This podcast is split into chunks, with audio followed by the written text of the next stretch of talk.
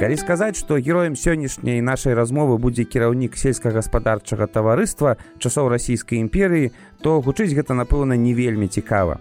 Калі сказаць, што гэты кіраўнік сельскагаспадарчага таварыства можа ў хуткім часе быць біятыфікаваным каталіцкім касцёлам і стаць святым ахоўнікам нашага горада, то становіцца зусім незразумела.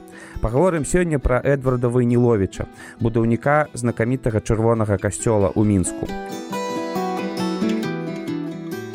Эдвард Вайнілович нарадзіўся 13 кастрычніка 1847 года у маёнтку вялікая слепня. Гэты палац захаваўся на сённяшні дзень у мінску на вуліцы Філімонова. Слепня належала роду ваньковічаў, з якога паходзіла маці Эдварда Ганна.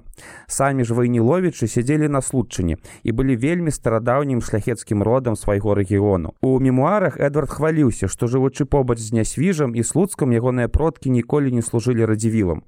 І гэта напраўду дасягнення, хоць зараз мала хто гэта зразумее. Вайніловіч скончыў легендарную слуцкую гімназію і мэта накіравана пачаў атрымліваць адукацыю ў сферы сельскай гаспадаркі і прамысловасці. Петербург беларускі тэхналагічны інстытут сельскагаспадарчая акадэмія ў польшчы стажыраваўся на заводах у бельгіі германії у петербургу у 1872 годзе вайнілович вярнуўся дадому і пасля смерти бацькі прыняў усе ягоныя справы. А справаў гэтых было безліч. Апроч непасрэдна самой гаспадаркі якая пры эдвардзе працягвала расці умацоўвацца вайніловічы займаліся актуальнай грамадскай дзейнасцю. І справы бацькі перайшлі да сына. Ён займаўся вырашэннем судовых справаў, узначаліў шматлікія рэгіянальныя паседжанні, засядаў у апякунскіх камісіях па самых э, розных установах.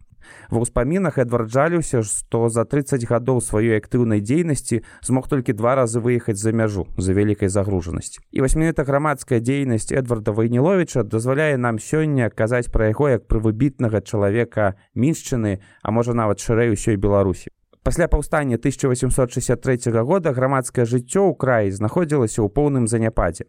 Каталіцкія школы і установы былі закрытыя праваслаўныя былі малаактыўныя кантакту паміж тутэйшымі элітамі і прыезджанымі чыноўнікамі не было.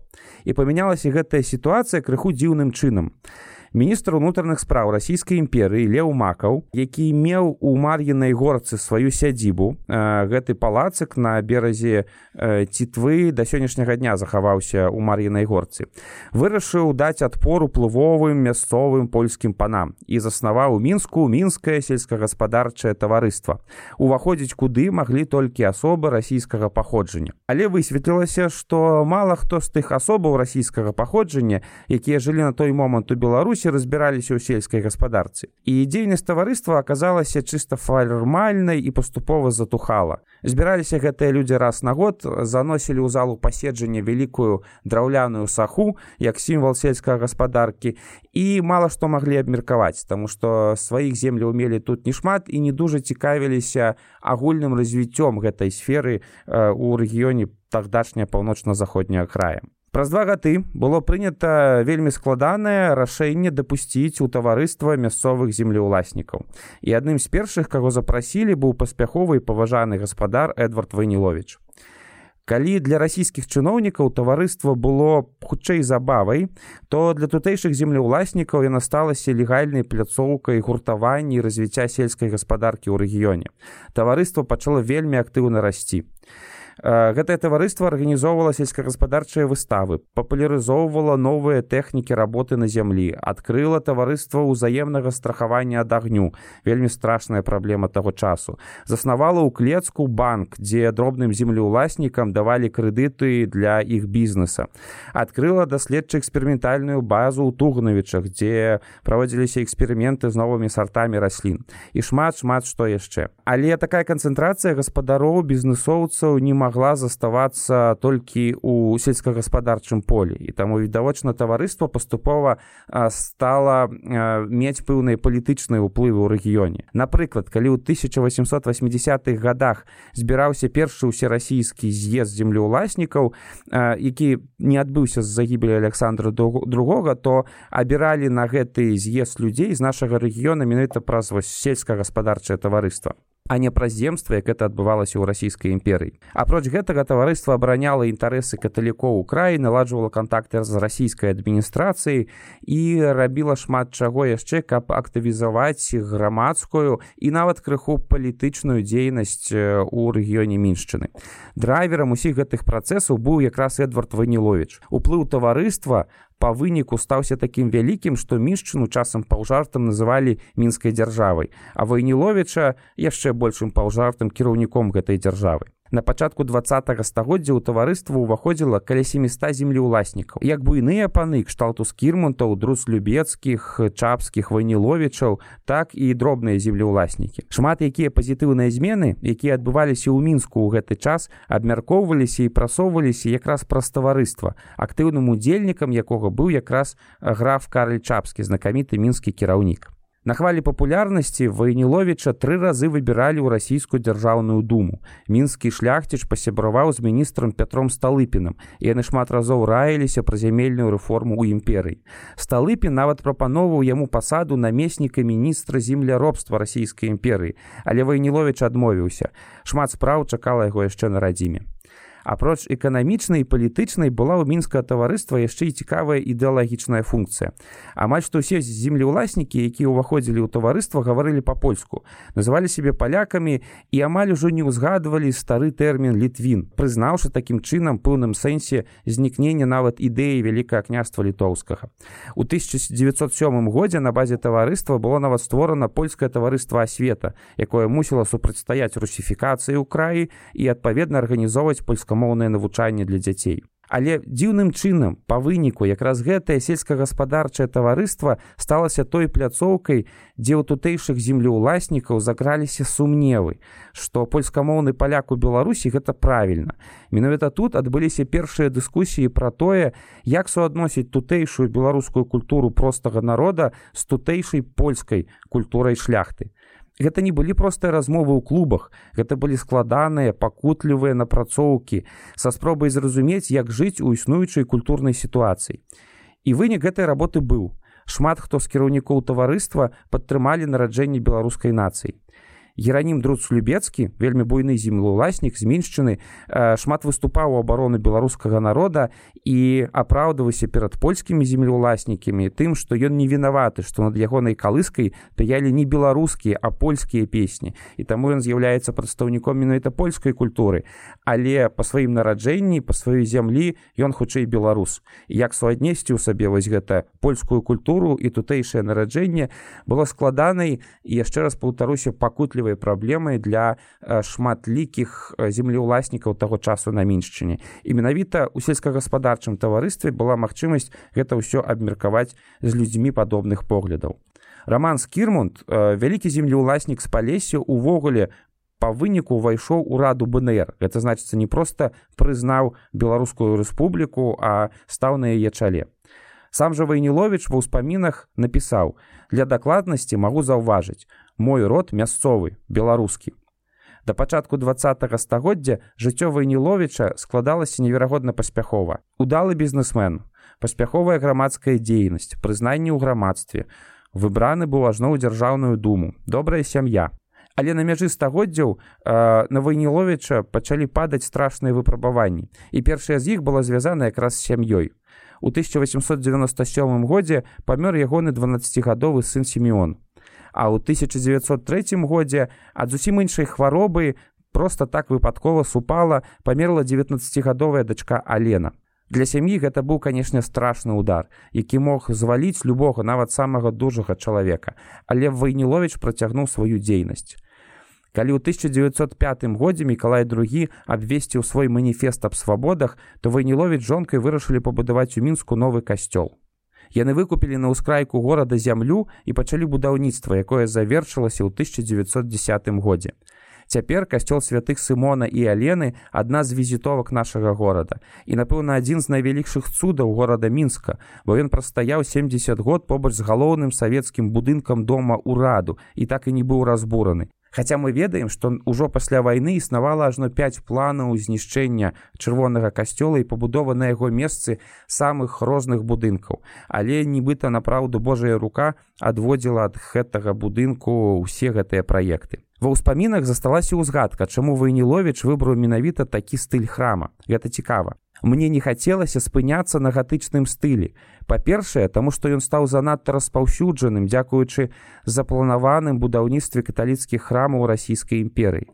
А па-другое, занадта адрозніваўся ад храмаў усходняга абраду, якія існуюць у нашым краі. Гэты стыль акцэнтаваў бы ўвагу на адрозненні веравызнання розных сацыяльных класаў, паколькі большая частка сялянаў была праваслаўная, а землеўласнікі каталікі.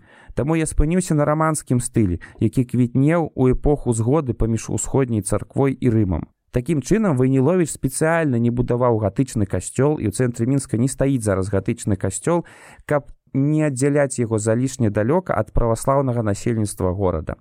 У нашыя часы такое адчуванне стылю і ўвагі да камфорту іншых людзей, як яно было ў Вайніловіча 100 гадоў назад. Магчыма, менавіта гэтаму храм і захаваўся, бо не быў настолькі падобны на касцёл, як іншыя храмы і можа не настолькі моцна муляў вока савецкім кіраўнікам, што яны так не дні дайшлі да яго ліквідацыі. Другі удар по вайніловічу ну, не толькі па ім зрэшты па ўсёй адной шостай частцы сушы прыйшоўся ў 1917 годзе спачатку нейкія дезерціры спалілі маёнтак вайніловічаў на случчыне дзе пражыло шмат пакаленняў гэтага роду і сярод іншага згарэў архіў дзе захоўваліся дакументы вайніловічаў ажно з далёкага 16 стагоддзя пасля было выгнанне з'езд у польшчу э, пакінутыя маёнткі гаспадарка. Пасля быў страшны рыжскі мір. Тутэйшыя каталікі паны маянткоўцы маючы культурную сувязь з палякамі ў польшчы лічылі што яны ўсе маюць агульнае ўяўленне пра ідэалы ў старой рэчы паспалітай да 1772 года і пра яе межы. Але высветлілася што караняжы так называлі у палякаў з Польшчы бачыць у беларусі толькі ўскраіну. Малаварты рэгіён які яны без шкадавання далі бальшавікам пакінуўшы ў ссср ва ўсходняй беларусі тысячы і тысячы сваіх адзінаверцаў. Для вайніловіча івогуле для ўсіх выхадцаў сельскагаспадарчага таварыства это канешне быў вялікі удар бо яны ўсвядомілі што сваю радзіму яны разумеюць зусім па-іншаму чым іхнія адзінаверцы і адзінамоўцы з тэрыторыі самой польшчы. Вайніловічы пасяліліся ў горадзе быхдаш у польшчы арганізавалі там прытулак для дзяцей эмігрантаў з беларусі бясплатную сталовую і шмат чаго яшчэ. Згубіўшы ўсё яны працягвалі дапамагаць людзям ажно да самай сваёй смерці у палітыку вайнілович не пайшоў не пайшоў прынцыпова. І нават пасяліўся ў быгдашы а не ў нясвіжы куды яго запрашалі спецыяльна для таго каб не турбаваць сваю памяць аб сваіх маёнтках якія засталіся на савецкай тэрыторыі і да якіх ён відавочна ўжо ніяк не мог патрапіць. У чэрвені 1926 года эдвард вайнілович памёр і быў пахаваны ў чужым для сябе горадзе быгдаш Але ў 2006 годзе парэшткі мінскага шляхціча намаганнямі пробашча чырвонага касцёла Владзіслава завальнюка перазахавалі ў чырвоным касцёле. Яны зараз там і спачуваюць з левага боку ад уваходу ў касцёл. Больш за тое, у 2016 годзе пачаўся працэс біятыфікацыі Эдварда Вайніловича. Гэта значыцца працэс прызнання яго святым. Асноўны упор у аргументацыі робіцца на тым, што жыццё Вайніловича было падобным да жыцця біблейскага Іова, у якога Бог забраў усё і сям'ю і гаспадарку, каб праверыць ягоную веру. У Вайніловіча адбылося падобнае. Спачатку ён страціў дзяцей, пасля страціў свае маёнткі, всю сваю гаспадарку, па сутнасці страціў радзіму, але застаўся верным і годным чалавекам, які да канца свайго жыцця дапамагаў іншым людзям. Па выніку Эдвард Вайнілович, чалавек, які правёў э, ладную частку свайго жыцця на такой дастаткова сумнай пасадзе старшыні сельскагаспадарчага таварыства, э, стаўся правадніком вельмі важных зменаў на тэрыторыі міншчыны. Зменаў эканамічных, таму што таварыства прынесла да нас шмат навінак еўрапейскіх і амерыканскіх у сферы жывёлагадоўлі і земляробства. Але ў першую чаргу тое, што цікава нам на сёння, гэта зменаў ідэалагічных.